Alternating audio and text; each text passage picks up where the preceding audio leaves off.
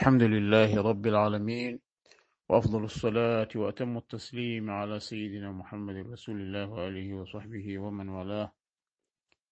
مناهج الإتقان إلى تحقيق مقاصد الإحسان.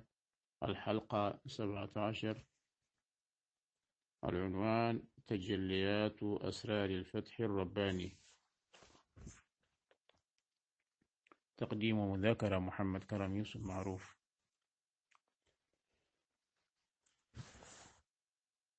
لا زال الشيخ رضي الله عنه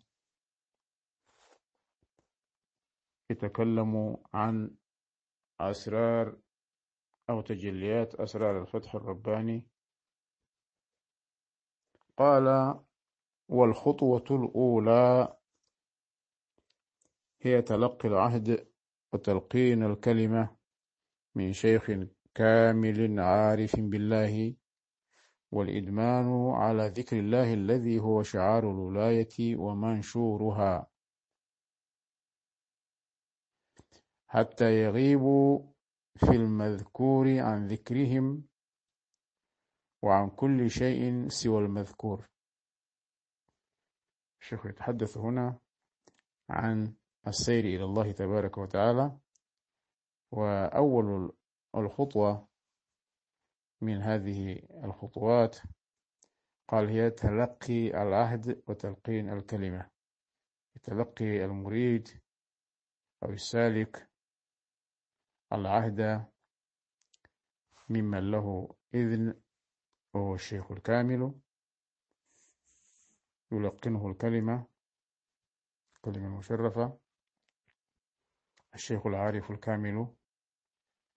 ثم بعد ذلك يدمن هذا السالك على ذكر الله عز وجل الذي هو شعار الولاية ومنشورها. الذكر هو شعار الولاية ومنشور الولاية. حتى يغيب في المذكور عن ذكره. المذكور هو الله عز وجل. يغيب الذاكر عن ذكره في المذكور. وعن كل شيء يغيب عن كل شيء سوى المذكور. والبدء بالذكر حسب المجالس الإلهية. يكون البدء بالذكر حسب المجالس الإلهية وهي مجالس المناجاة الخمسة التي أذن الحق لعباده أن يناجوه فيها.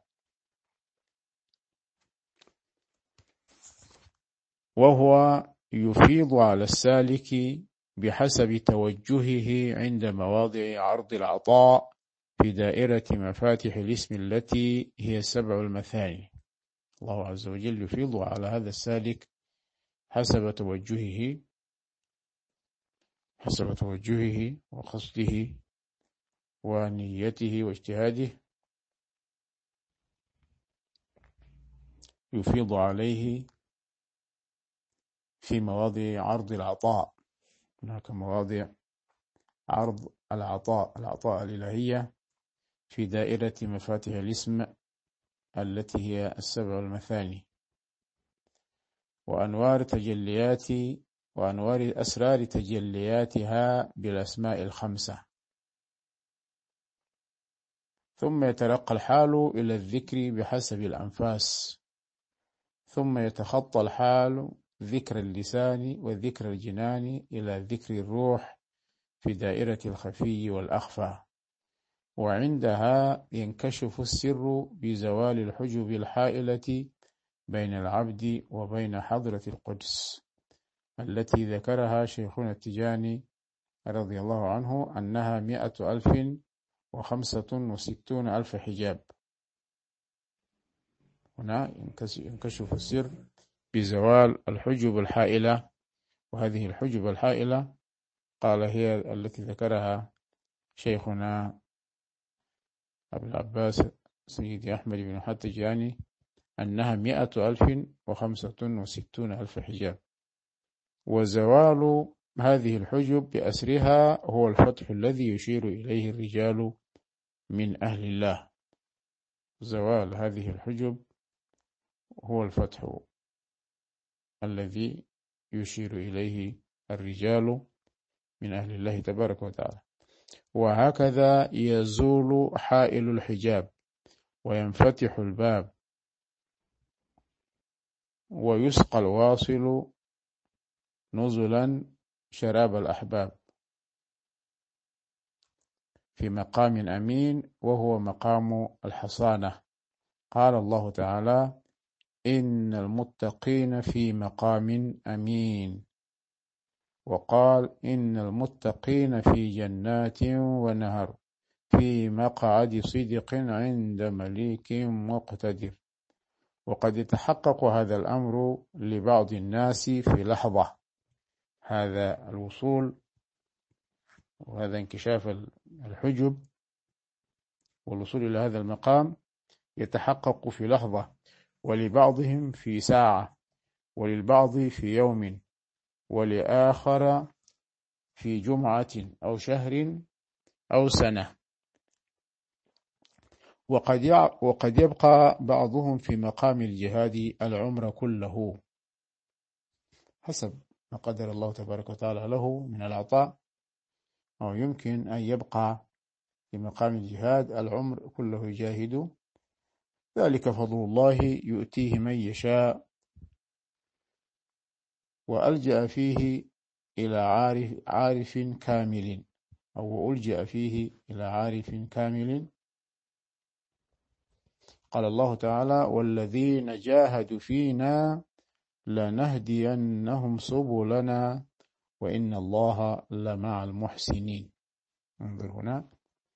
الذين جاهدوا فينا لنهدينهم سبلنا. يعني المجاهد والذي يجاهد في الله تبارك وتعالى يهتدي ويجد حظه مهما طال أو قل أو كثر يجد ما كتب له. والله تبارك وتعالى وعد عباده بل الذين يجاهدون فيه أي في الله تبارك وتعالى بأنهم يهديهم سبله. السبل هي الطرق.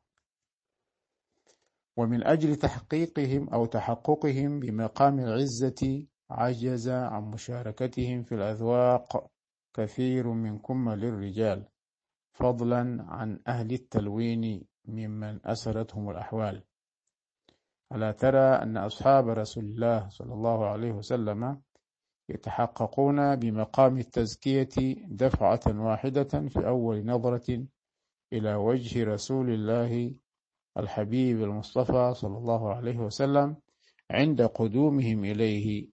قال تعالى لقد من الله على المؤمنين إذ بعث فيهم رسولا من أنفسهم يتلو عليهم آياته ويزكيهم ويعلمهم الكتاب والحكمة وإن كانوا من قبل لفي ضلال مبين.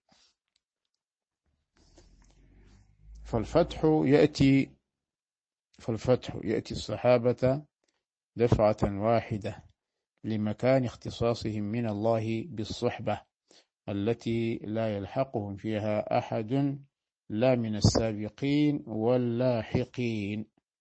هذا مقام الصحابة رضوان الله عليهم.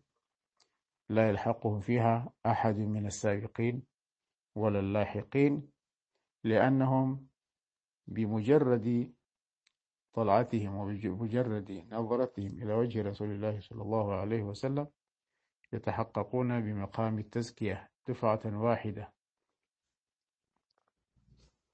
النظرة. واعلم أن العزة الربانية تنقسم إلى أربعة أقسام. القسم الأول لا مطمع لأحد فيه من العباد. وهو القسم المخصوص بالتجلي بالذات العلية على الذات الصرف والحضرة الأحدية القح. وهو المشار إليه بقوله فإن العزة لله جميعا. فهذه الحضرة لا يستطيع أحد أن يشاهدها لأنها لا تبقي من الكون شيئا ولا تذر. لا يدرك منها العبد حتى بعد الصحو إلا السحق والمحق إلا سيد الوجود صلى الله عليه وسلم من حيث كونه حجابا أعظم وسيدا ووسيلة. لأنه يعني حجاب الأعظم بين الخالق والخلق. والقسم الثاني العزة الفائضة من حضرة الحق تعالى إلى ذات عبده ورسوله صلى الله عليه وسلم في أزله حين تعلقت تعلق الإرادة بإيجاده صلى الله عليه وسلم. والقسم الثالث العزة الفائضة من ذات سيد الوجود صلى الله عليه وسلم على الأنبياء والمرسلين والورثة المحمديين العارفين من كمل المقربين مع الفرق بين ما للأنبياء عليهم الصلاة والسلام وما للأولياء رضي الله عنهم. فإن التفاوت بينهم في ذلك مثل التفاوت بينهم في المراتب والمقامات. والتفاوت آه، موجود بين الأنبياء عليهم الصلاة والسلام وبين الأولياء اللي هم الأولياء الكمل المقربين. والقسم الرابع العزة التي تفيض من أهل القسم الثالث إلى المؤمنين من أمة سيدنا محمد صلى الله عليه وسلم ولا يتحقق بذلك على وجهه إلا أهل الإيمان بتجليات الحق تعالى في عرصات المنن ما ظهر منها وما بطن من دون إنكار شيء في الدنيا والآخرة. والأقسام الأربعة كلها مجموعة في قوله تعالى ولله العزة ولرسوله وللمؤمنين ولكن المنافقين لا يعلمون ثم إن الأولى حجبها الله تعالى برداء الكبرياء وما دخل هذه الحضرة ولم يتحقق بها أحد إلا سيد الوجود صلى الله عليه وسلم فإنه الحجاب الأعظم. ومن لم يعرف حقيقة ولم يعرف حقيقتها إلا هو عليه السلام. ومن هنا قال أنا أعلمكم بالله وأتقاكم له وفي رواية وأخشاكم له كما في الصحيح. والثانية حجبها الله تعالى بالحجاب الأعظم الذي لولاه لاحترقت الأكوان لأحرقت الأكوان سبحات وجهه.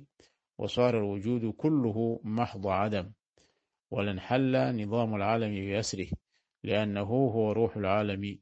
ما قام شيء من الموجودات ولا تحرك ولا سكن إلا به. فقال تعالى وما أرسلناك إلا رحمة للعالمين فعمم ولم يخصص.